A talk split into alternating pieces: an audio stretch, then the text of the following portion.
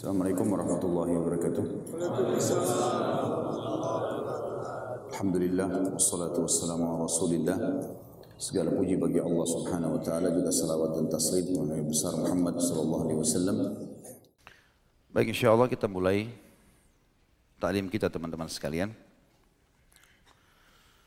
Kita masuk ke kajian Bulughul Maram kita bab ke-11 salat musafir dan orang sakit.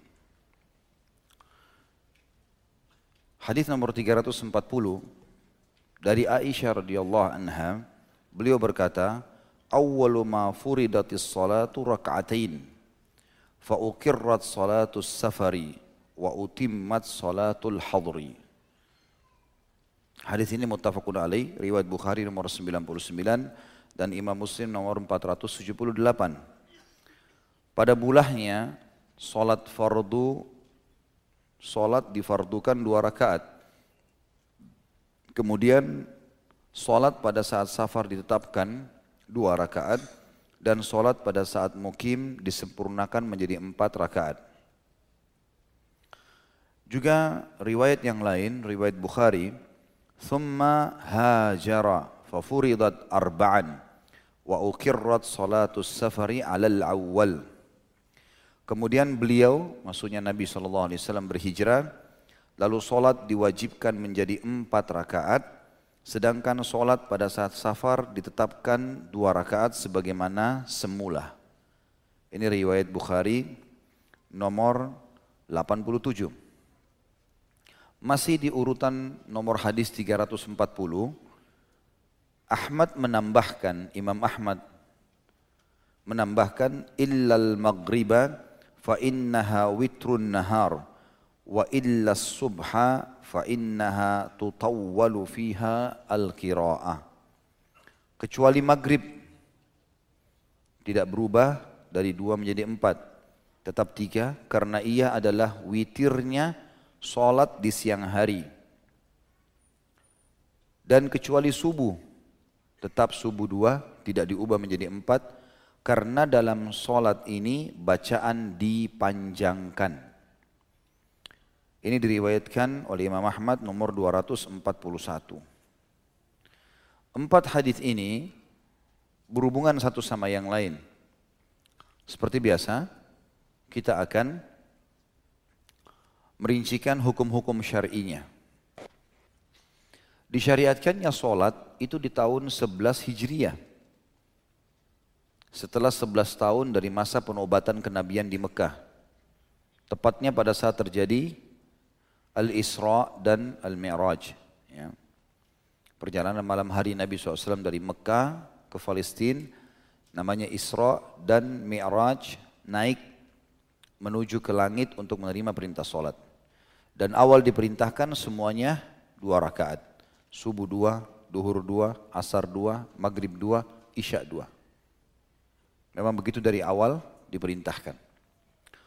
Kemudian di tahun 2 Hijriah, setelah hijrah baginda Nabi SAW ke Madinah, sebelum perang Badr, turunlah perintah untuk menambah sholat duhur, asar dan isya dua-dua rakaat ditambah jadi empat empat empat maghrib ditambah satu dan subuh dibiarkan dengan dua rakaatnya.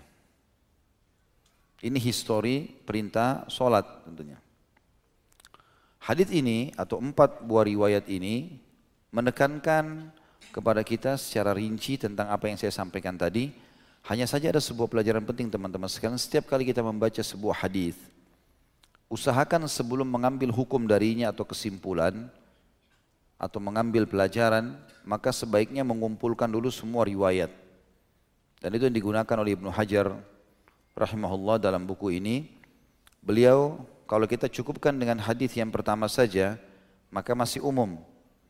Yang hadis Aisyah radhiyallahu anha, pada mulanya solat difardukan dua rakaat, kemudian solat pada saat safar ditetapkan dua rakaat dan pada saat mukim disempurnakan jadi empat rakaat. Kalau kita hanya baca ini belum faham. Ya. Ternyata dikuatkan dengan riwayat Bukhari, kemudian Nabi SAW hijrah, Lalu sholat diwajibkan menjadi empat rakaat Sedangkan sholat yang safar ditetapkan dua rakaat sebagaimana semula. Ini sudah mulai merincikan. Tapi masih belum jelas. Gitu kan. Karena perkataan di sini dikatakan lalu sholat diwajibkan menjadi empat rakaat. Artinya berarti subuh, duhur, asar, maghrib, isya semuanya empat. Kalau difahami begitu. Kecuali musafir. Musafir pun berarti dua semuanya. Dua subuh, dua duhur, dua asar, dua maghrib, dua isya. Kalau kita baca riwayat ini saja. Ini riwayat Bukhari. Makanya teman-teman dalam menuntut ilmu itu harus betul-betul mengumpulkan semua dalil baru kemudian mengambil sebuah kesimpulan. Kita lihat Ibnu Hajar jeli sekali. Beliau datangkan riwayat lagi satu, riwayat Imam Ahmad yang berbunyi kecuali maghrib. Maghrib nggak ditambah dua, ditambah satu. Karena dia witirnya siang hari dan subuh tetap dua rakaat karena diperintahkan memperpanjang bacaan pada saat itu. Hadis riwayat Ahmad ini lebih mendalam lagi dan merincikan kepada kita ya, bahwasanya dua-dua rakaat yang awal yang diubah menjadi empat adalah duhur, asar dan isya. Karena dia langsung mengerucut mengatakan kecuali maghrib. Maghrib dia witir siang hari dan witir dikerjakan tiga rakaat sholat witir malam itu. Dan Subuh dibiarkan karena disuruh bacaan yang panjang. Nabi SAW paling panjang membaca ayat Al-Quran di dua solat, di subuh dan di duhur. Ya. Dan subuh itu terutama sangat panjang yang dibaca oleh Nabi SAW dan paling banyak dinukil kepada kita tentang ragam bacaan surah-surah dalam Al-Quran terutama di solat subuh. Nabi SAW bahkan di hari Jumat subuh di, ditekankan sekali membaca surah-surah Al-Quran yang ada kalimat sujudnya dari surah As-Sajadah, dari surah Maryam yang ada kalimat sajadahnya. Kemudian kita pindah teman-teman sekalian ini berlaku hukumnya sampai menjelang hari kiamat sudah tidak berubah lagi. Subuh tetap dua, duhur, asar dan isya ini tambah dua dua rakaat jadi empat dan maghrib ditambah satu menjadi witir atau menjadi ganjil jadi tiga. Selanjutnya tentang potongan daripada hadis dari empat ini masalah musafir dikasar menjadi dua rakaat dan ini berlaku. Kecuali di maghrib hukum hadis riwayat Ahmad berlaku bagi mukim dan safar. Kalau maghrib pun karena dia witir yang dihitung penutup sholat siang maka tetap dia harus tiga. Tapi subuh, duhur, asar, isya semuanya dua-dua rakaat. Lebih jauh lagi dijelaskan tentang sholat pada saat safar ini dan tentu sesuai dengan judul dan orang sakit. Orang sakit nanti riwayat-riwayat terakhir ya. Hadis 341 dari Aisyah radhiyallahu anha, anna Nabi sallallahu alaihi wasallam kana yaqsuru fis safari wa yutim wa yasumu wa yuftir. Hadis ini diriwayatkan oleh Darul Qutni dengan sanad yang lemah dan para perawinya thiqat, artinya perawinya bisa dipercaya. Hanya saja hadis ini dinyatakan memiliki cacat dan tentu bagi orang yang mau membaca ada informasi di bawah ya perselisihan di antara ulama tentang masalah hadis hadis ini lemah. Ibnu Qayyim rahimahullah mengatakannya lemah gitu kan. Tapi kesimpulan yang terakhir adalah kalau hadis ini dipegangi oleh para ulama bila dia tidak bertolak belakang dengan hadis-hadis yang sahih. Sementara ditemukan hadis-hadis yang sahih menyebutkan kalau Nabi SAW pada saat safar beliau mengkasar dan beliau berbuka puasa. Oleh karena itu lebih dekat pendapat para ulama hadis ini secara hukum ya, dia tetap ditulis tapi secara hukum dia tidak berlaku karena hadis yang lebih kuat mengatakan bahwasanya Nabi SAW pada saat safar beliau ya, mengkasar salat dan beliau berbuka puasa. Kalau hadis ini kan kesannya pilihan, ini ya. Kesannya ada pilihan di situ. Hadis yang terjaga adalah hadis yang diriwayatkan dari Aisyah berdasarkan perbuatannya sendiri dan beliau berkata, "Innahu la yashukku alayya." Sesungguhnya itu tidak memberatkanku. Diriwayatkan oleh Baihaqi dengan sanad yang sahih. Para ulama mengatakan, kalau seandainya tentu ini pilihan, hukumnya sunnah. Dan saya sudah pernah jelaskan teman-teman sekalian dari mana kita tahu wajib atau sunnah, haram atau makruh. Gitu kan? kalau ada ancaman, ya, kalau ada ancaman, misal kita tahu di sini Nabi SAW mengatakan di rawat Baihaqi yang sahih, siapa saja yang tidak memberatkan bagi dia, yang tidak memberatkan bagi dia untuk berpuasa pada saat safar, perjalanannya tidak terlalu jauh, kayak kita sekarang di pesawat enak, ya, itu nggak ada masalah. Dia boleh pilihan puasa atau tidak puasa. Pada saat dia lagi musafir, perjalanannya misalnya cuma satu jam, dua jam naik pesawat, Jakarta, Surabaya misalnya. Kemudian di sana dia nggak ada kerjaan, dia cuma rekreasi sama keluarganya. Kemudian dia ingin sholat di setiap waktunya, duhur di setiap waktu, asar, dan dia mau seperti orang mukim, ikut sholat di masjid. Maka ini juga boleh bagi dia. Ini nggak ada masalah. Ya. Kemudian hadis selanjutnya 342 dari Ibnu Umar radhiyallahu anhu beliau berkata Rasulullah SAW bersabda, Inna Allah yuhibbu an tu'ta rukhasu kama yakrahu an tu'ta maksiyata atau maksiyatu. Hadis ini riwayat Ahmad dan disahihkan oleh Ibnu Khuzaimah dan juga Ibnu Hibban.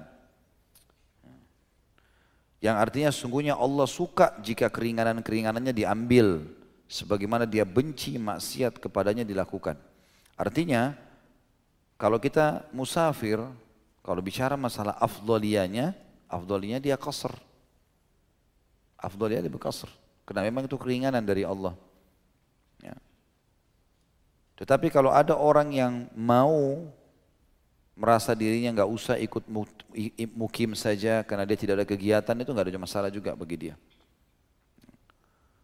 Dan bagi orang yang musafir, misal dia berangkat dari Jakarta ke Surabaya, dia sudah jamak duhur asar misalnya di awal waktu, di bandara misalnya, kemudian dia tiba di Surabaya, tiba di rumahnya, kerabatnya atau orang tuanya, ternyata masjid dekat rumah dan lagi azan asar. Mungkin orang tuanya, ayahnya, atau kakaknya, atau kerabatnya lagi pergi ke masjid. Dia pun ikut sholat, gak ada masalah, tapi sudah terhitung sunnah bagi dia. Bukan lagi kewajiban, jadi boleh dia mengikuti sholat itu. Sebagaimana sudah pernah kita jelaskan riwayat Abu Bakar radhiyallahu anhu yang menemani seorang sahabat yang tertinggal dan itu jadi sunnah buat Abu Bakar dan juga perilaku Muadz bin Jabal radhiyallahu anhum ajma'in. Dalam riwayat lain, riwayat ini sahih menurut Ibnu Hibban kama yuhibbu an tu'ta azaimuh sebagaimana dia suka jika kewajiban-kewajiban yang telah ditetapkan dilaksanakan. Jadi Allah subhanahu wa ta'ala suka kalau dia kasih sebuah perintah, sebuah keringanan diambil dengan tidak memaksakan diri sebagaimana dia suka sekali, sebagaimana dia tidak suka kalau dia dimaksiati. Berarti memang berimbang antara cinta Allah subhanahu wa ta'ala kepada orang yang tidak mentaklif dirinya pada hal-hal yang Allah tidak bebankan pada dia ya. dan tidak mengurangi kadar pahala sama sekali Sebagaimana Allah juga benci sekali kalau dia dimaksiati. Riwayat lain tadi, dia suka jika kewajiban-kewajiban yang telah ditetapkannya dilaksanakan. Artinya Allah suka pada saat kita safar, kita mengkasar dan jamak. Sebagaimana Allah suka kalau kita mengerjakan kewajiban-kewajiban yang lain pada saat kita sedang tidak musafir. Berarti keringanan-keringanan. Ya. Dan kita tidak boleh teman-teman sekalian sini menyalahkan orang yang mengambil ini, malah ini afdaliyahnya ya. Seperti pada saat Ramadan kemarin, ada beberapa jemaah kita yang lagi umroh, karena cuaca di Saudi panas sekali, mereka ambil keringanan untuk buka puasa. Tidak boleh kita anggap kenapa orang ini Ramadan ditinggalkan buka puasa. Itu rukhsah dari Allah. Buat dia. Memang keringanan, apalagi safarnya jadi panjang. ya. Kemarin itu waktu kami berangkat, berangkat dari sini kalau tidak salah jam 9 pagi, gitu kan. Jam 9 pagi itu berarti Saudi masih baru jam 4, eh maaf, baru jam eh, 5 ya. Baru jam 5 subuh. Perjalanan 9 jam. Kalau perhitungannya mestinya jam 9 pagi sudah harus tiba di sana kalau 9 jam berarti jam 18 ya. Jam 6 sore berarti ya. Tapi rupanya karena Saudi mundur 4 jam, maka jam 5 subuh waktu Saudi tambah 9 jam itu baru tiba jam 3 sore. Yang semestinya kita sudah harus buka puasa di Indonesia, Saudi masih belum. Dan kebetulan maghribnya hampir jam 7 malam. Kemarin itu. Jadi banyak di antara jemaah yang tidak tahan. Mereka buka puasa itu rukhsah keringanan. Hak mereka. Tapi dia harus bayar nanti. Dan jangan kita anggap itu pencorengan terhadap keimanannya. Tidak sama sekali. Karena dalam hadis ini sangat tegas kalau Allah suka diterima keringanan yang dia berikan kepada hamba-hambanya sebagaimana dia suka kalau kewajiban dijalankan atau sebagaimana dia benci kalau dia dimaksiati. Kemudian masuk ke masalah jarak dalam safar.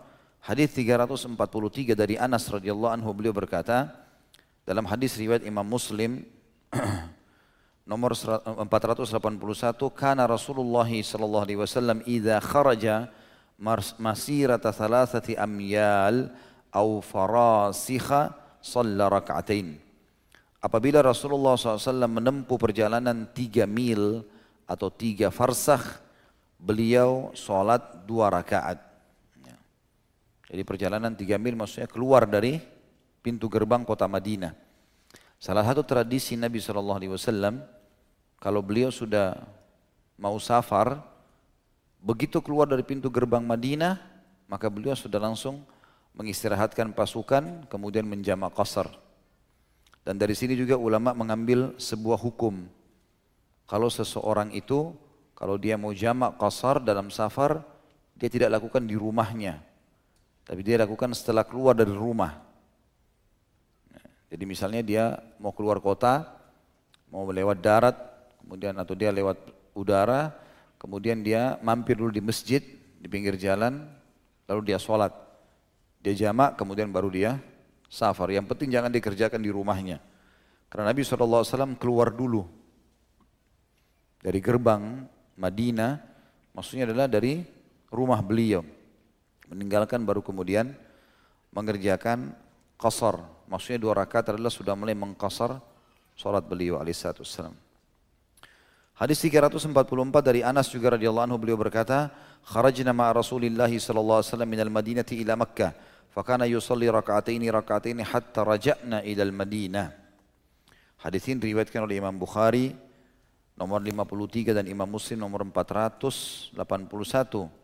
Kami pernah pergi bersama Rasulullah SAW dari Madinah menuju ke Mekah dan beliau sholat dua rakaat, dua rakaat hingga kami pulang ke Madinah.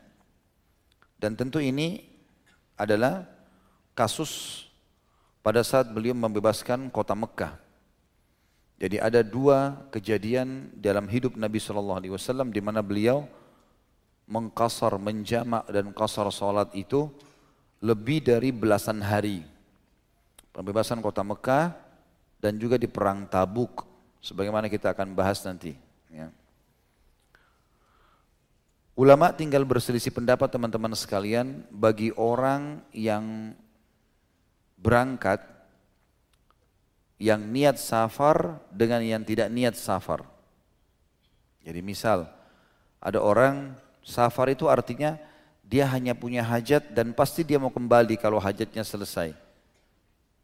Dan memang dia tidak mengangkat, dia tidak membawa barang-barangnya untuk tinggal di situ. Nah, hanya sekedar tas kecil, ya, dia bukan untuk mukim di sana, dia tidak niat untuk menetap. Termasuk dalam menetap adalah orang yang masih keliling untuk mencari pekerjaan. Sudah dianggap menetap karena dia sudah mulai membawa pakaiannya, meletakkan dan dia mulai mencari pekerjaan. Karena kalau dapat pekerjaan dia sudah langsung kerja. Maka di sini teman-teman sekalian ulama mengatakan kalau dari awal seseorang niat safar, hukumnya berlaku padanya seperti yang akan kita sebutkan hadis-hadis nanti. Kalau Nabi SAW di Mekah itu tinggal selama 19 hari ya. Ada yang riwayat mengatakan 17 hari beliau menjamak sholatnya, mengkasar sholatnya maaf, mengkasar sholatnya. Dan dalam perang tabuk beliau mengkasar sampai 20 hari. Jadi kalau seperti keadaan Nabi SAW keluar ingin berperang, memang betul-betul dia tidak niat untuk tinggal di situ. Membebaskan kota Mekah, menetapkan hukum Allah, pulang ke Madinah. Pergi ke Tabuk memperlihatkan kekuatan muslimin kepada Romawi. Setelah Romawi tidak mau keluar, beliau pun pulang ke Madinah. Jadi memang tidak ada sama sekali maksud untuk tinggal di wilayah itu. Maka beliau menjamak, maaf, beliau mengkasar sampai 20 hari di sini. Ya, sampai 20 hari. Kalau orang dari awal niatnya mau mukim, dia mau mukim, memang dari awal dia datang, dari hari pertama dia sudah tahu, dia tugas kantor dan dia akan menetap di situ setahun misalnya, atau dia mau pergi nuntut ilmu, ya dia pergi ke Jogja misalnya, dia ingin sewa kos-kosan, kemudian dia akan masuk ke kuliah, ya.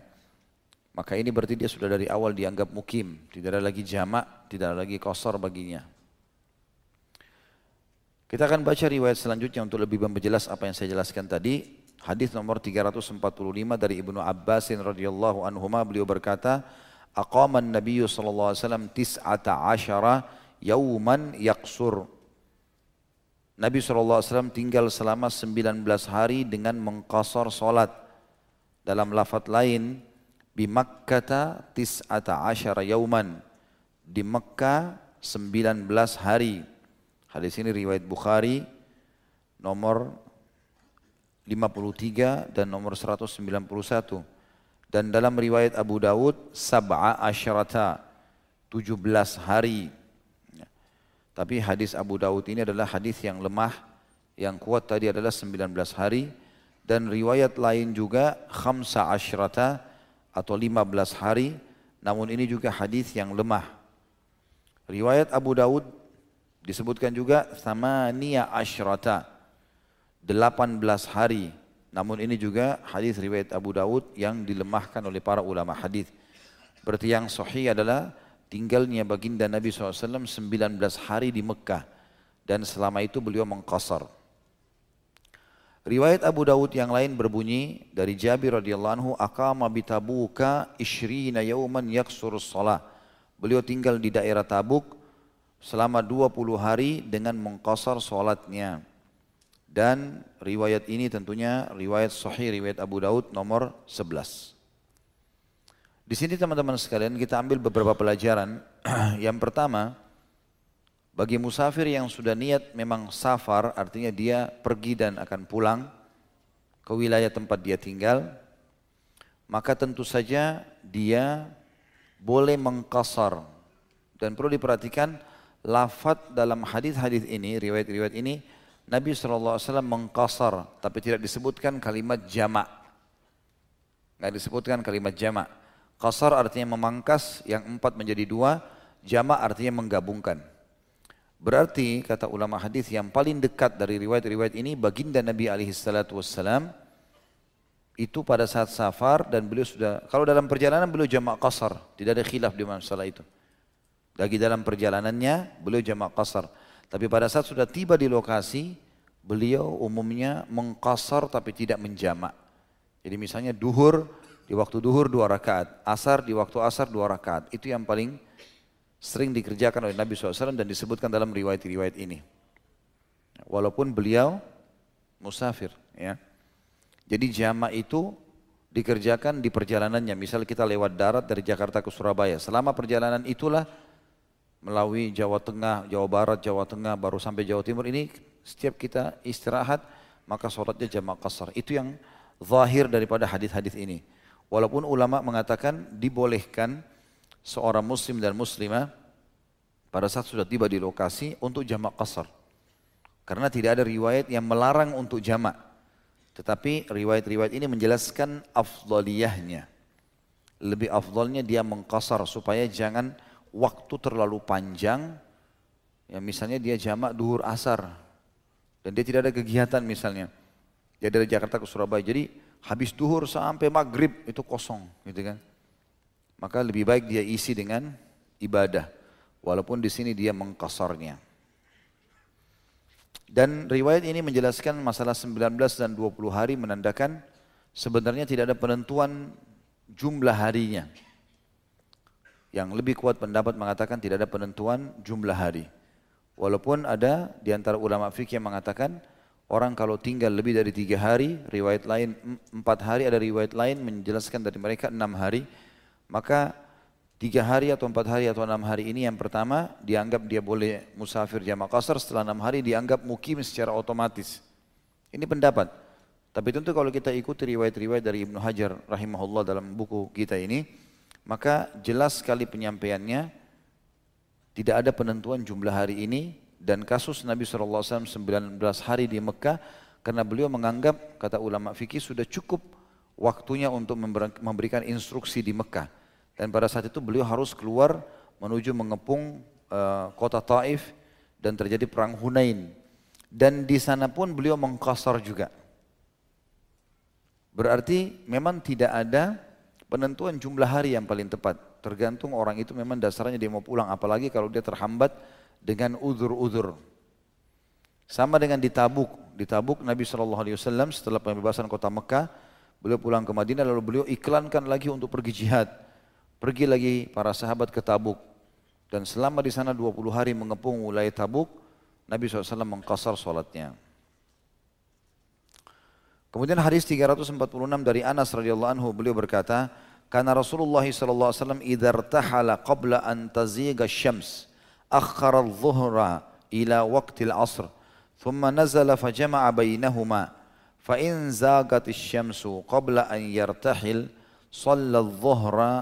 rakib Apabila Rasulullah SAW bepergian sebelum matahari tergelincir, beliau mengakhirkan zuhur hingga waktu asar. Kemudian beliau turun dan menjamak kedua solat tersebut. Dan bila matahari telah tergelincir sebelum beliau bepergian, maka beliau solat duhur kemudian naik kendaraannya. Hadis ini muttafaqun alaih. Diriwayatkan oleh Imam Bukhari nomor 58 dan Imam Muslim nomor 489.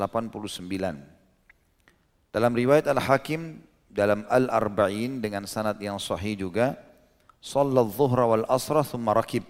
Beliau sallallahu alaihi wasallam salat duhur dan asar, kemudian beliau naik kendaraannya. Ini diriwayatkan oleh Al-Hakim dan juga Al-Baihaqi dalam kitab Sunan. Sementara dalam riwayat Abu Nuaim dan uh, Mustakhraj Muslim atau dalam Mustakhraj Muslim maksudnya ya sesuai dengan atau yang disebutkan dalam riwayat Imam Muslim kana idza kana idza kana fi safarin fazalat syams sallat dhuhra wal asra jami'an thumma irtahal. Bila beliau dalam perjalanan dan matahari telah tergelincir beliau salat duhur dan asar dengan menjamaknya kemudian beliau pergi di sini teman-teman sekalian kita ambil hukum salah satu hal yang Rasulullah SAW selalu lakukan beliau kalau mau safar beliau naik tunggangannya kemudian beliau keluar dari kota Madinah dan istirahat sejenak kalau waktu itu ya, waktu dari istirahat sejenak itu matahari belum tergelincir dalam arti kata ya, belum masuk waktu uh, duhur ya. Di sini belum tergelincir adalah belum masuk waktu duhur. Maka beliau sengaja mengakhirkan duhur sama asar. Jadi kalau misal teman-teman safar dari Jakarta setengah 12 siang. Misal duhur jam 12. Kan memang duhur belum masuk ya. Maka otomatis kita waktu awal awal waktu itu masuk di dalam perjalanan kayak kita lagi di pesawat, kita lagi di kereta api. Afdolianya takhirkan saja di waktu asar. Itu lebih afdol karena kita keluar sebelum waktu duhur masuk. Kemudian riwayat ini juga menjelaskan kepada kita, tapi kalau beliau keluar sudah tergelincir matahari, maksudnya sudah mulai masuk waktu duhur, Kemudian beliau baru mau jalan maka beliau langsung kerjakan duhur dan asar di waktu duhur dengan cara jamak kasar. Dan ini semua tujuannya agar mendapatkan sholat di awal waktu. Sementara kalau kita lagi di pesawat misalnya, lagi di perjalanan atau lagi di bus, kan tidak kena awal waktu karena kita waktu itu memiliki keringanan rukhsah untuk sholat di awal waktu nanti di asar. Kemungkinan kita kalau tiba di lokasi asar bisa sholat di awal waktu. Begitu azan kita bisa sholat. Sehingga menggabungkan keutamaan sholat wajibnya dengan awal waktunya. Kemudian hadis 347 dari Muad radhiyallahu anhu beliau berkata, "Kharajna ma'an Nabi sallallahu alaihi wasallam fi ghazwati Tabuk, fakana yusalli adh-dhuhra wal asra jami'an wal maghrib wal isya'a jami'an." Hadis ini riwayatkan Imam Muslim. Diriwayatkan Imam Muslim nomor 490 dan ini menggambarkan tentang solat Nabi SAW di peperangan.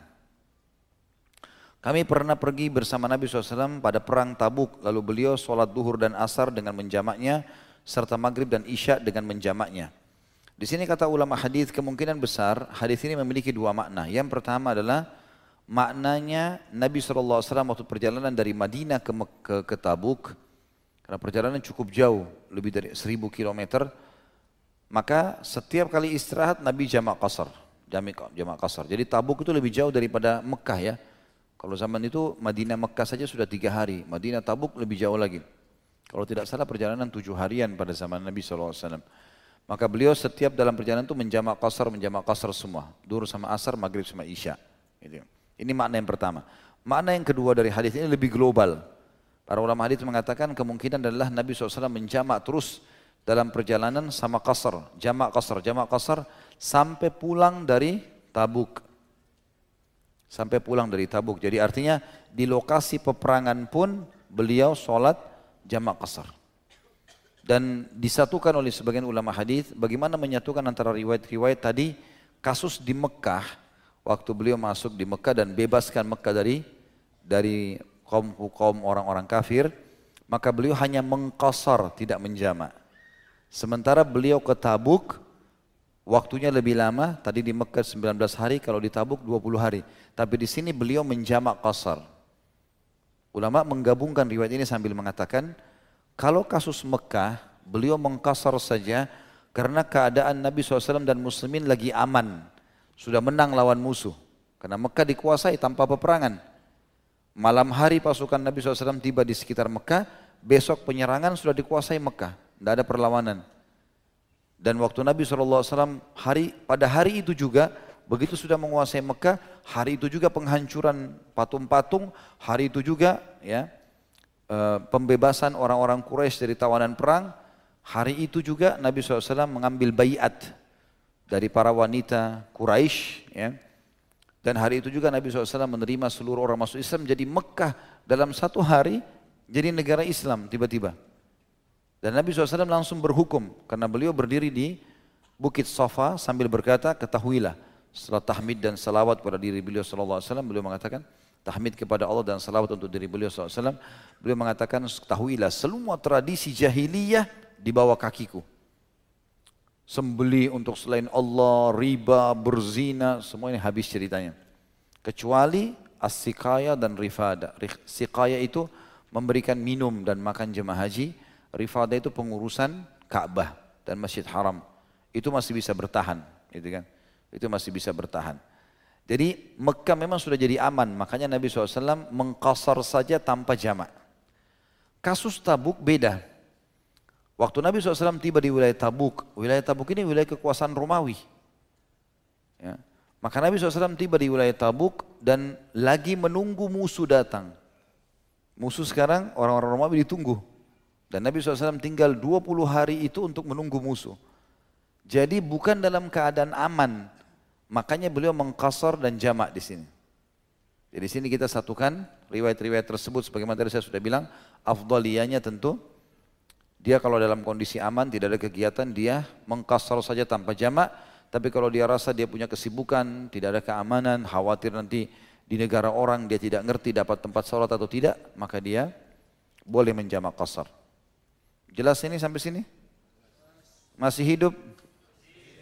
Alhamdulillah. Sudah banyak orang yang setengah hidup. Hah? Tahu setengah hidup? Hah? Sabda Nabi SAW, An-naumu akhul maut. Tidur itu tidur itu adalah saudaranya mati. Jadi saudara tadi setengah mati. Baik. Hadis 347. Ini sudah tadi. Hadis 348 sekarang. Dari Ibnu Abbas radhiyallahu anhu berkata Rasulullah SAW bersabda, "La taqsuru salata fi aqalla min arba'ati burut min Makkah ila Usfan." Janganlah kalian mengkasar salat pada perjalanan yang jaraknya kurang dari empat barit atau barit. Seperti dari Mekah ke Usfan. Hadis ini diriwayatkan oleh Darul Qutni dengan sanad yang lemah dan yang sahih adalah bahwasanya hadis ini mauquf seperti mana dikeluarkan oleh Ibnu Khuzaimah. Tentu hadis ini dianggap hadis kalau teman-teman yang pegang e, bukunya adalah hadis yang sangat lemah sekali ya. Satu-satunya tentu hadis-hadis ini dikatakan oleh saya bacakan ya Ibnu Khuzaimah ya, menyebutkan hadis ini lemah karena di dalamnya ada Abdul Wahab bin Mujahid dan dia seorang yang matruk ditolak hadisnya. Kemudian juga uh, dikatakan oleh Al-Hafidh, ya, Al-Hafidh Musa Ibnu Hajar, kalau hadis ini lemah. Dan yang mensahihkan hadis ini adalah Imam Syafi'i dan Syekh Albani yang mentahkik buku ini. Tentu teman-teman sekalian dari hadis ini kita jelaskan yang masuk dengan arbaat burut ya. Itu adalah sama dengan mil ya sebenarnya. Berarti sama dengan mil dan jarak antara Makkah sama Usfan. Ya, ini sebenarnya sangat dekat dengan Mekah. Kalau saya tidak salah, kalau saya tidak salah mungkin 10 sampai 15 kilometer ya, jaraknya. Jadi sangat dekat. Ya. Di sini Nabi SAW mengatakan kalau jaraknya seperti itu tidak dianggap safar. Ya. Dan di sini sudah, sudah pernah saya jelaskan teman-teman sekalian, saya ulangi kembali. Kalau ulama sekarang menyimpulkan semua riwayat berhubungan dengan masalah sholat safar ini atau keadaan musafir mengatakan itu kembali kepada urf pemahaman penduduk setempat. Kalau misal seseorang itu tinggal di Depok, Depok kota lain, Jakarta kota lain, tapi sudah seperti satu tempat. Dia beli rumah di Depok dan dia kerja di ke Jakarta, tiap hari bolak-balik. Dan itu sudah menjadi tempat yang biasa buat dia. Musafir ke dia? Enggak. Karena sudah orang Depok sama orang Jakarta menganggap mereka sudah satu wilayah. Bahkan kan digabungi Jabodetabek gitu kan. Maka ini sudah dianggap kayak satu tempat. Satu tempat. Tapi kalau misal satu orang tinggal di satu lokasi dan jaraknya jauh sekali. Walaupun sebenarnya kalau dibuat jalanan lebih dekat. Jadi ulama mengatakan masalah menghitung jarak safar atau menganggap itu safar sebenarnya sehingga bisa kasar itu tergantung daripada uruf kebiasaan pemahaman masyarakat setempat itu jauh atau tidak, gitu kan? Dan juga di sini tergantung daripada fasilitas yang ada. Saya kasih contoh. Pernah teman-teman sekalian di Sulawesi Selatan, saya masuk ke satu lokasi di daerah pegunungan. Jadi seperti kalau di Jakarta ini puncak, di sana ada daerah Malino. Saya masuk naik ke gunung, kemudian dari situ turun ke bawah. Sekitar mungkin saya bawa mobil waktu itu, kebetulan saya setir sendiri sama ayah saya. Itu turun sekitar satu jam ke bawah, ke lereng gunung. Turun jauh sekali. Dan di bawah itu ada perkampungan muslim, kurang lebih ada 100 kakak muslim. Ada masjid, masjidnya sudah tidak terurus waktu itu. Dan ada gereja uh, dari Kanada, Bala Keselamatan. Itu dari tahun 1965 gereja di situ dan berhasil memurtadkan setengah penduduk kampung itu. Sudah murtad. Masjid sudah pada saat itu dijadikan seperti gudang penyimpanan makanan. Alhamdulillah Allah mudahkan saya dengan ayah saya masuk ke situ dan ada satu uh, orang yang memang tahu tentang wilayah itu dan menyampaikan kepada kami tentang kondisinya. Maka kami datang ketemu dengan muslimin yang tersisa, lalu kemudian kami minta agar mereka siap untuk menerima dai, kami kirimkan dai, Kemudian hiduplah kembali masjidnya. Dan Alhamdulillah eh, dalam hitungan beberapa pekan saja yang tadinya sudah 50-50 persen muslim sama Nasrani sekarang pada saat itu ya itu sudah menjadi eh, muslim 90 kakak jadi tinggal 10 kakak saja yang non muslim gitu kan itu pun karena kakek-kakeknya kakeknya dulu yang murtad jadi ini sudah cucu dalam keadaan Kristen itu dan mereka sudah ada yang disekolahkan sampai ke Vatikan sana. Eh, sehingga akhirnya Alhamdulillah gerakan sudah mulai ada dan sempat kita adakan pertemuan dengan orang yang dikirim untuk sekolah itu. Dan dia mengatakan kalau misalnya kaum muslimin bisa menjamin hidup saya, saya tidak ada masalah kembali ke agama kakek saya Islam. Gitu. Tapi Alhamdulillah ala kulihal di sana berhasil kita berdakwah. Cuma yang saya ingin titik beratkan teman-teman dari kampung itu ke kampung sebelahnya karena ini di lereng gunung jadi harus lewat gunung. Jadi kampung ini sebenarnya kalau kita tarik garis lurusnya, kalau kita buat jalan, dekat sekali. Tidak akan dihitung jarak safar. Tapi karena tidak ada transportasi kecuali orang jalan kaki atau naik kuda, naik gunung. Dari gunung sini naik turun ke gunung sebelah, kampung sebelah, itu bisa sehari semalam, bisa dari pagi sampai maghrib. Maka ini kesulitan sekali, luar biasa. Dari sini menurut masyarakat setempat ini susah, sulit sekali untuk dijalankan. Memang sulit. Kalau masyarakat di situ saja yang hampir dalam satu pekan, satu bulan berulang kali bolak-balik, mereka masih rasa susah, apalagi kalau kita yang baru datang. Nah ini di sini, walaupun tadi kalau kita tarik garis lurusnya ternyata itu dekat, itu sudah dihitung jauh dan bisa dihitung safar, gitu kan? Karena keluar dari satu kampung ke kampung sebelah. Dan berbeda tadi dengan kasus kalau orang Jakarta sama Depok, atau misalnya orang tinggal di perbatasan Indonesia sama Malaysia. Ini rumah dia Indonesia, ini perbatasan negara, ini Malaysia. Dia pergi ke tetangganya sudah keluar negeri. Ya. Nah ini jelas pasti orang situ juga bilang ini bukan safar, cuma datang ke sebelah. Gitu kan. Karena sangat dekat. Bisa difahami ini? Hah? Sudah makan siang tadi ya? Belum. Kalau belum justru nggak ngantuk itu. Khairan insya Allah.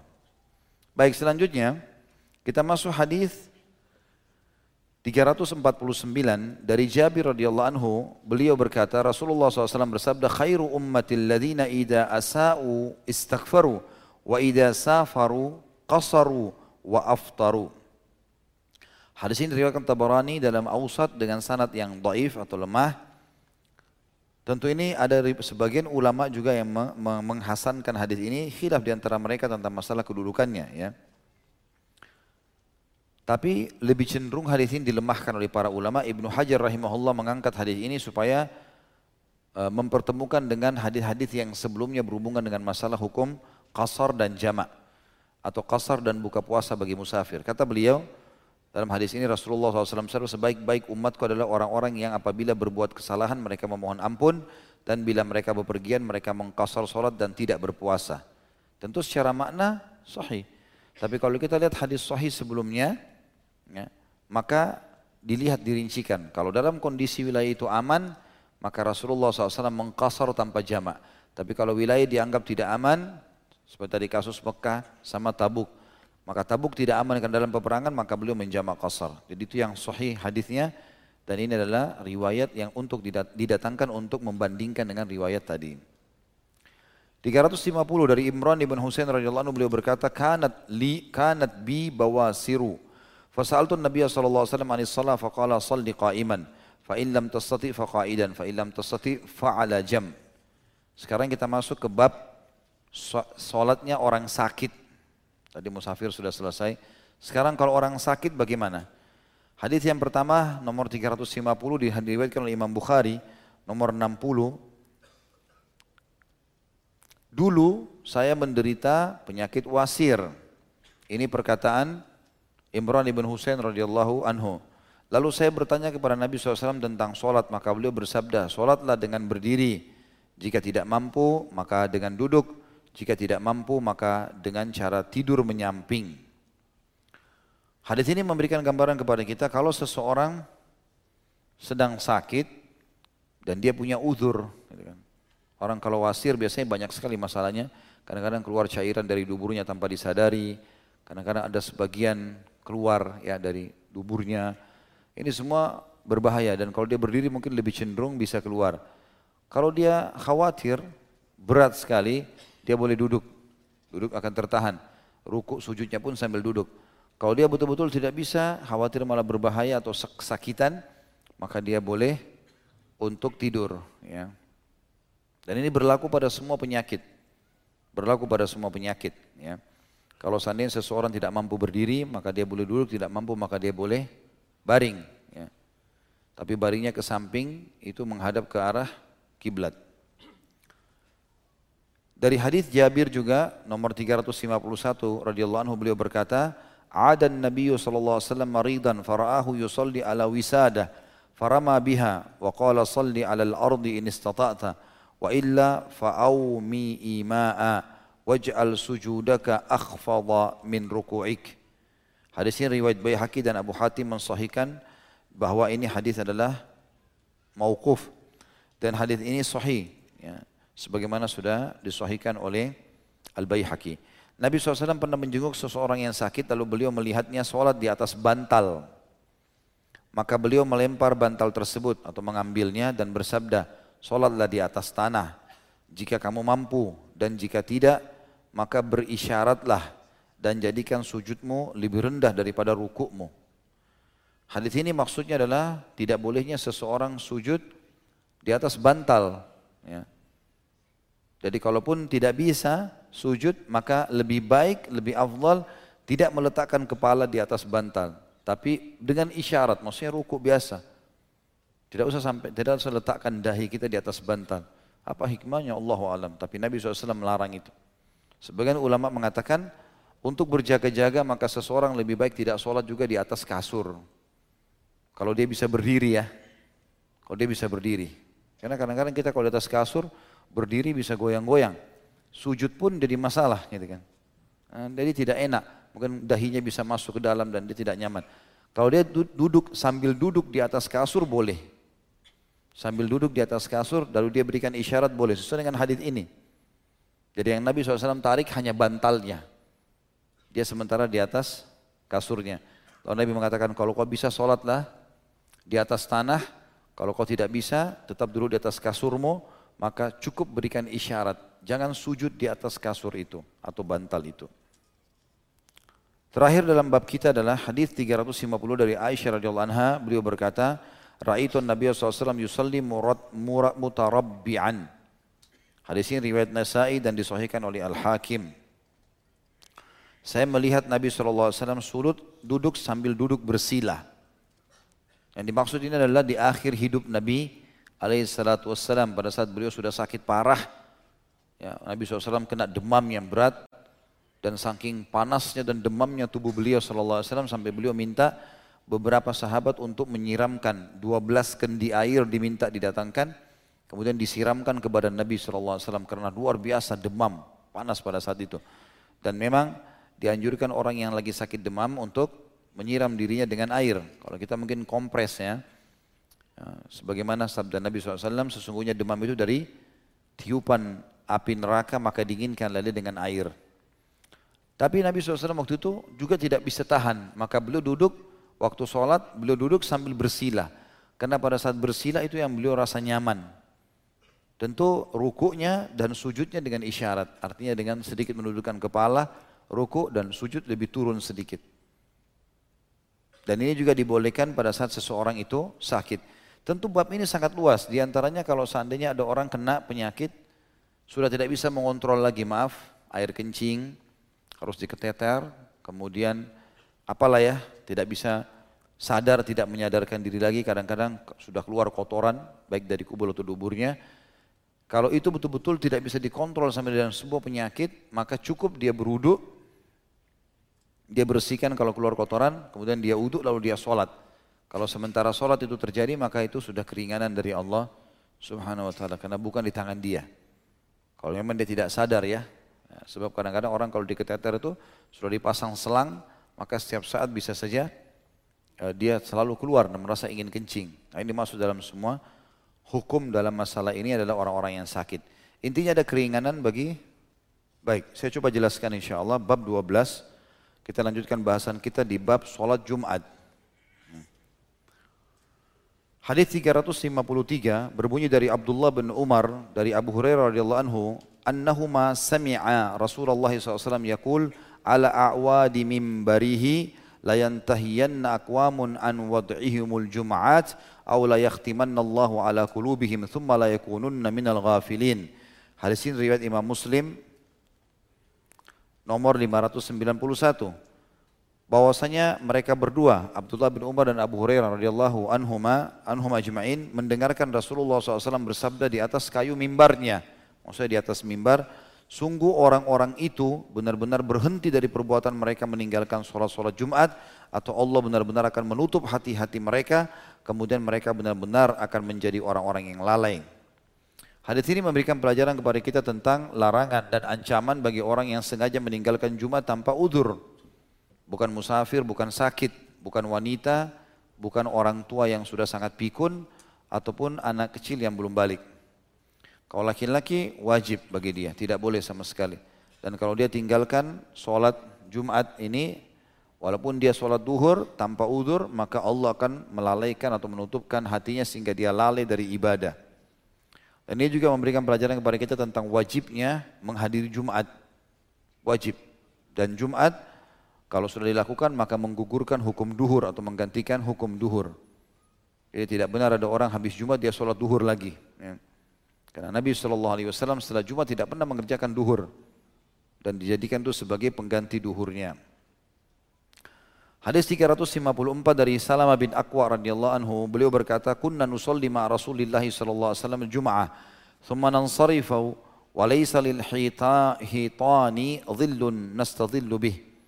Ketika sholat Jumat bersama Rasulullah SAW, kemudian kami sholat Jumat bersama Rasulullah SAW, kemudian kami pulang sementara dinding-dinding tidak memiliki bayangan yang dapat kami gunakan untuk berteduh.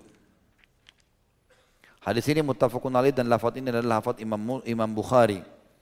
Imam Bukhari meriwayatkan nomor 159, Imam Muslim 589. Dan dalam riwayat Imam Muslim disebutkan kunna nujammi'u ma'ahu idza idza idza zalat asy-syams thumma narji'u natatabba'a al-fayya kami sholat Jumat bersama beliau ketika matahari telah tergelincir, kemudian kami pulang sambil mencari-cari tempat berteduh. Artinya sholat Jumat sama dengan waktu duhur. Hanya begitu matahari sudah mulai tergelincir, beliau sudah khutbah, sholat, dan seperti duhur. Artinya di waktu siang bolong sudah selesai Jumat itu.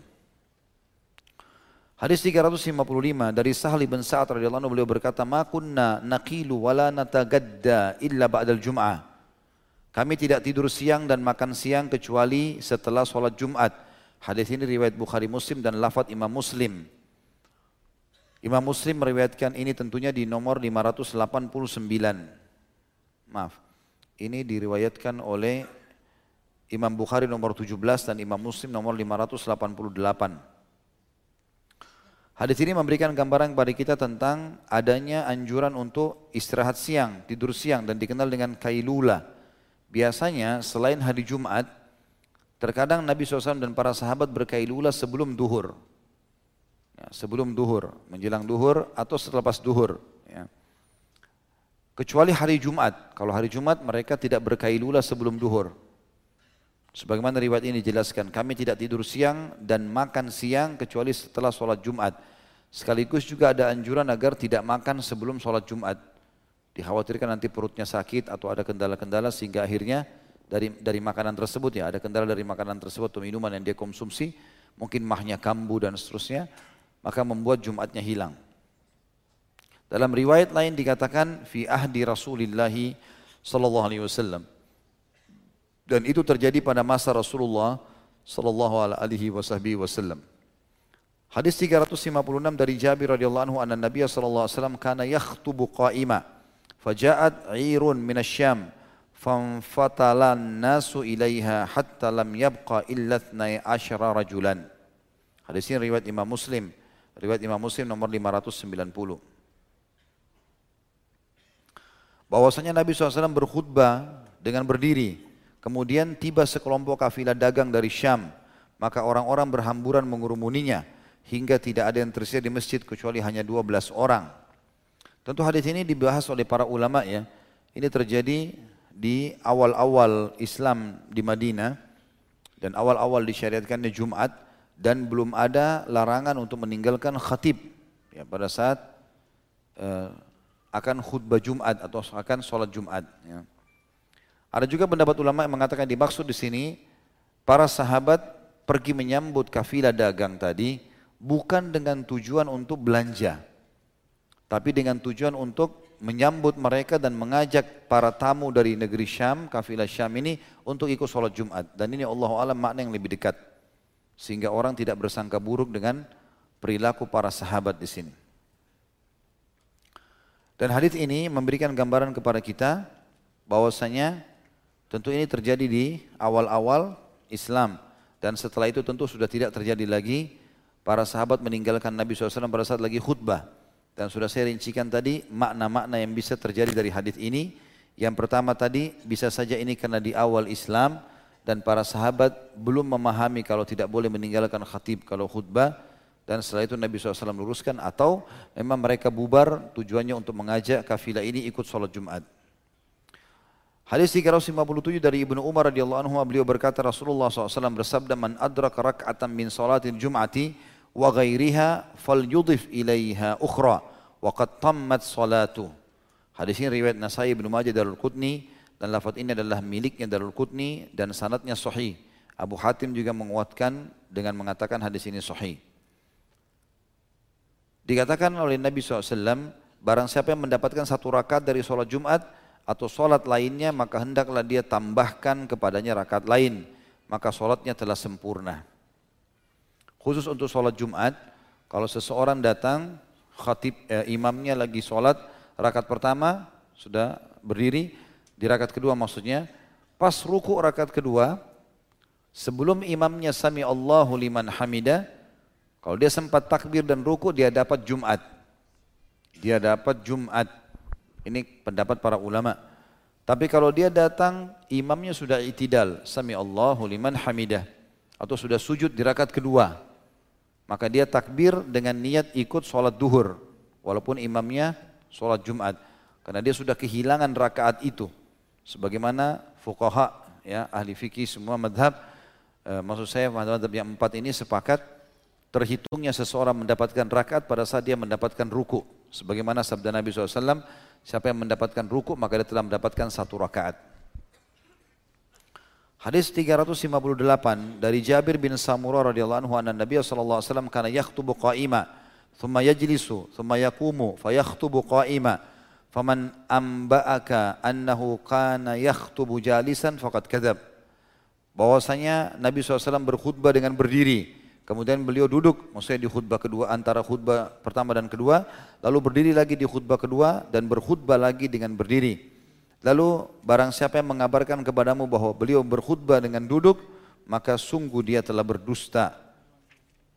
Tentu hadis ini riwayat Imam Muslim nomor 589. Saya yakin ini tidak ada masalah, kita sudah fahami tentang khutbahnya Nabi SAW. Beliau khutbah berdiri, kemudian duduk di antara dua khutbah, kemudian baru khutbah kedua berdiri lagi. Hadis 359 dari Jabir bin Abdullah radhiyallahu anhuma beliau berkata karena Rasulullah SAW idza khataba ihmarrat aynah wa ala sautuh wa ishtadda ghadabuh hatta ka'annahu munziru jayshin yaqulu sabbahakum wa massakum wa yaqulu amma ba'd fa inna khairal hadithi kitabullah wa khair hadi hadi Muhammadin sallallahu alaihi wasallam wa syarrul umuri muhdatsatuha wa kullu bid'atin dhalalah Hadis ini riwayat Imam Muslim. Imam Muslim riwayatkan nomor 592 dan 593. Apabila Rasulullah SAW kata Jabir radhiyallahu anhu berkhutbah Jumat di sini, kedua matanya menjadi merah, suaranya tinggi dan emosinya meninggi hingga seolah-olah beliau adalah seorang pemberi peringatan kepada pasukan sambil berkata, musuh akan datang menyerang kalian pada pagi dan sore hari. Dan beliau juga berkata, amma ba'd, ya, dan selanjutnya, Ketahuilah sesungguhnya sebaik-baik perkataan adalah kitab Allah, Al-Quran. Dan sebaik-baik petunjuk adalah petunjuk Muhammad sallallahu alaihi wasallam. Dan setelah Al-Quran datang petunjuk sunnah, petunjuk Nabi SAW. Dan seburuk-buruk perkara adalah perkara yang dibuat-buat dan setiap bid'ah adalah kesesatan. Dan ini riwayat Imam Muslim tentang peringatan Nabi alaihi salatu wasallam. Tentu ini adab dalam berkhutbah ya. Setiap khatib harusnya meninggikan suaranya, serius dalam berkhutbah, gitu kan, mendatangkan dalil-dalil dan mengingatkan agar mereka uh, berhati-hati dari perbuatan maksiat dan harus segera beribadah sebagaimana seorang panglima perang mengingatkan pasukannya agar berhati-hati diserang oleh musuh. Dalam riwayat Imam Muslim berbunyi kanat khutbatun Nabi sallallahu alaihi wasallam yaumul jum'ah yahmadullah wa yuthni alaihi thumma yaqulu ala ithri dzalika wa qad ala sautu. Khutbah Nabi SAW pada hari Jumat yaitu beliau memuji Allah dan menyanjungnya Kemudian beliau berkata setelah itu dan suaranya meninggi. Maksudnya setelah memuji Allah, salawat buat diri beliau, kemudian beliau langsung masuk kepada ceramah yang mau disampaikan dan suaranya meninggi. Dan ini tentu teguran yang sangat tegas bagi orang yang khutbah sementara suaranya kecil. Dan akhirnya membuat orang semua matanya jadi kecil juga. Juga dalam riwayat Imam Muslim yang lain, "May yahdihillahu fala mudillalah wa may yudlil fala hadiyalah." Sering juga Nabi SAW mengatakan barang siapa yang diberi petunjuk oleh Allah, maka tidak ada yang dapat menyesatkannya dan barang siapa yang disesatkan oleh Allah maka tidak ada yang dapat memberinya petunjuk atau memberi kepadanya petunjuk. Riwayat Nasai ditambahkan wa kullu dhalalatin finnar dan setiap kesesatan itu tempatnya di neraka. Dan hadis ini diriwayatkan oleh Ibn Nasai nomor 189 dengan sanad sahih. Dan ini tentu dalil yang sangat jelas pada saat Nabi SAW mengatakan semua bid'ah sesat. Ini sabda Nabi alaihissalam dan bid'ah lawan daripada sunnah. Dan ini selalu Nabi SAW ingatkan setiap Jumat tentang bahayanya seseorang masuk dalam perbuatan bid'ah. Hadis 360 dari Ammar bin Yasir radhiyallahu anhu beliau berkata saya mendengarkan Rasulullah SAW bersabda Inna tula salatir rajuli wa kisara khutbatihi ma'innatun min fikhi. Hadis riwayat Muslim nomor 594. Sesungguhnya panjangnya solat seseorang dan pendeknya khutbahnya merupakan ciri kedalaman ilmunya. Namun ulama di sini menanggapi teman-teman sekalian tentang masalah pendek khutbah dan panjang solat. Kalau kita kembali kepada baginda Nabi alaihissalam, maka khutbah beliau bukan pendek seperti yang kita fahami. Ya. Tapi beliau mengingatkan dengan sangat tegas dan yang dimaksud dengan pendek adalah tidak seperti kalau beliau membahas masalah tanda-tanda hari kiamat. Karena pernah Nabi SAW bicara masalah tanda-tanda hari kiamat, beliau naik di atas mimbar dari habis subuh, terus ceramah sampai duhur. Break sholat, beliau naik lagi sampai asar. Break sholat, beliau khutbah lagi sampai maghrib. Kata para sahabat sampai-sampai banyaknya yang disampaikan oleh Nabi SAW, maka dihafallah bagi orang yang menghafal dan lupalah bagi orang yang lupa. Nah di sini ulama mengatakan ceramah Nabi SAW umumnya selalu panjang. Dan kalau dikatakan pendek di khutbah Jumat, bukan berarti pendek orang cuma menyampaikan ya sedikit nasihat kemudian dia bubar. Ya, ulama menanggapi masalah itu karena Jumat kesempatan muslimin berkumpul dan yang paling tepat adalah mereka menyampaikan hal-hal yang mendasar yang dibutuhkan oleh kaum muslimin kesempatan dalam satu minggu itu khatib menyampaikan dan juga dia harus berada di antara itu dan jangan juga terlalu panjang. Ada orang khutbahnya nggak jelas, suaranya kecil, panjang sekali dia khutbah. Sampai kadang-kadang orang gelisah juga. Ya. Tidak jelas ke mana arah ceramahnya ini juga harus diluruskan tentunya. Kemudian 361 dari Ummu Hisham bin Haritha radhiyallahu anha. Beliau berkata, "Ma akhadtu qaf wal Qur'anil Majid illa an lisani Rasulillah SAW yaqra'uha kulla jum'atin alal mimbar idza khataban nas." Riwayat Imam Muslim. Ini hadis terakhir kita tentunya. Tidaklah saya menghafal Qaf wal Qur'anil Majid atau surah Qaf kecuali dari lisan Rasulullah sallallahu alaihi wasallam yang beliau bacakan setiap Jumat di atas mimbar apabila beliau berkhutbah di hadapan orang-orang. Tentu teman-teman sekalian hadis ini riwayat Imam Muslim nomor 595. Yang dimaksud dengan surah Qaf kalau teman-teman buka surah Qaf, kalau saya tidak salah surah nomor 50 ya.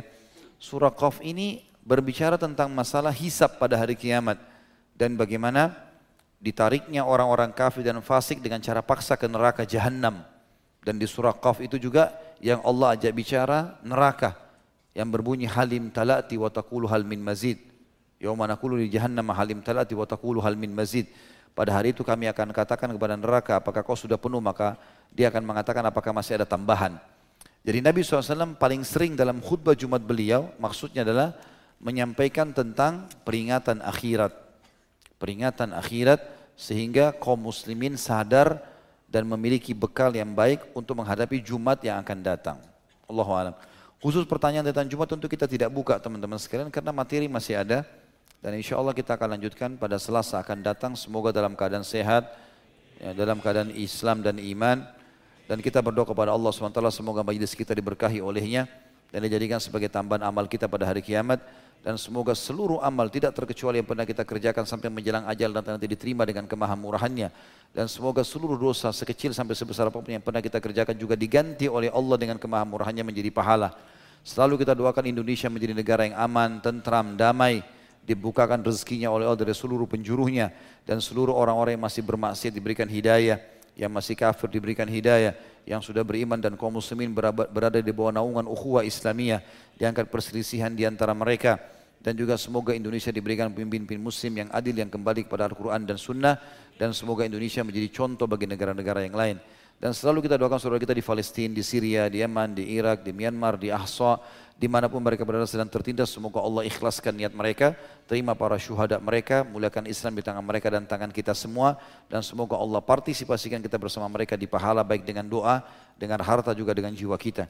Dan semoga Allah dengan kemahamurahannya menyatukan kita semua di surga firdausnya tanpa hisab, sebagaimana yang satu di majlis ilmu yang mulia ini. Itu kalau ada benar dari Allah, kalau ada salah dari saya mohon dimaafkan. Subhanakallahumma bihamdika asyhadu an la ilaha illa anta astaghfiruka wa atubu ilaik. Wassalamualaikum warahmatullahi wabarakatuh.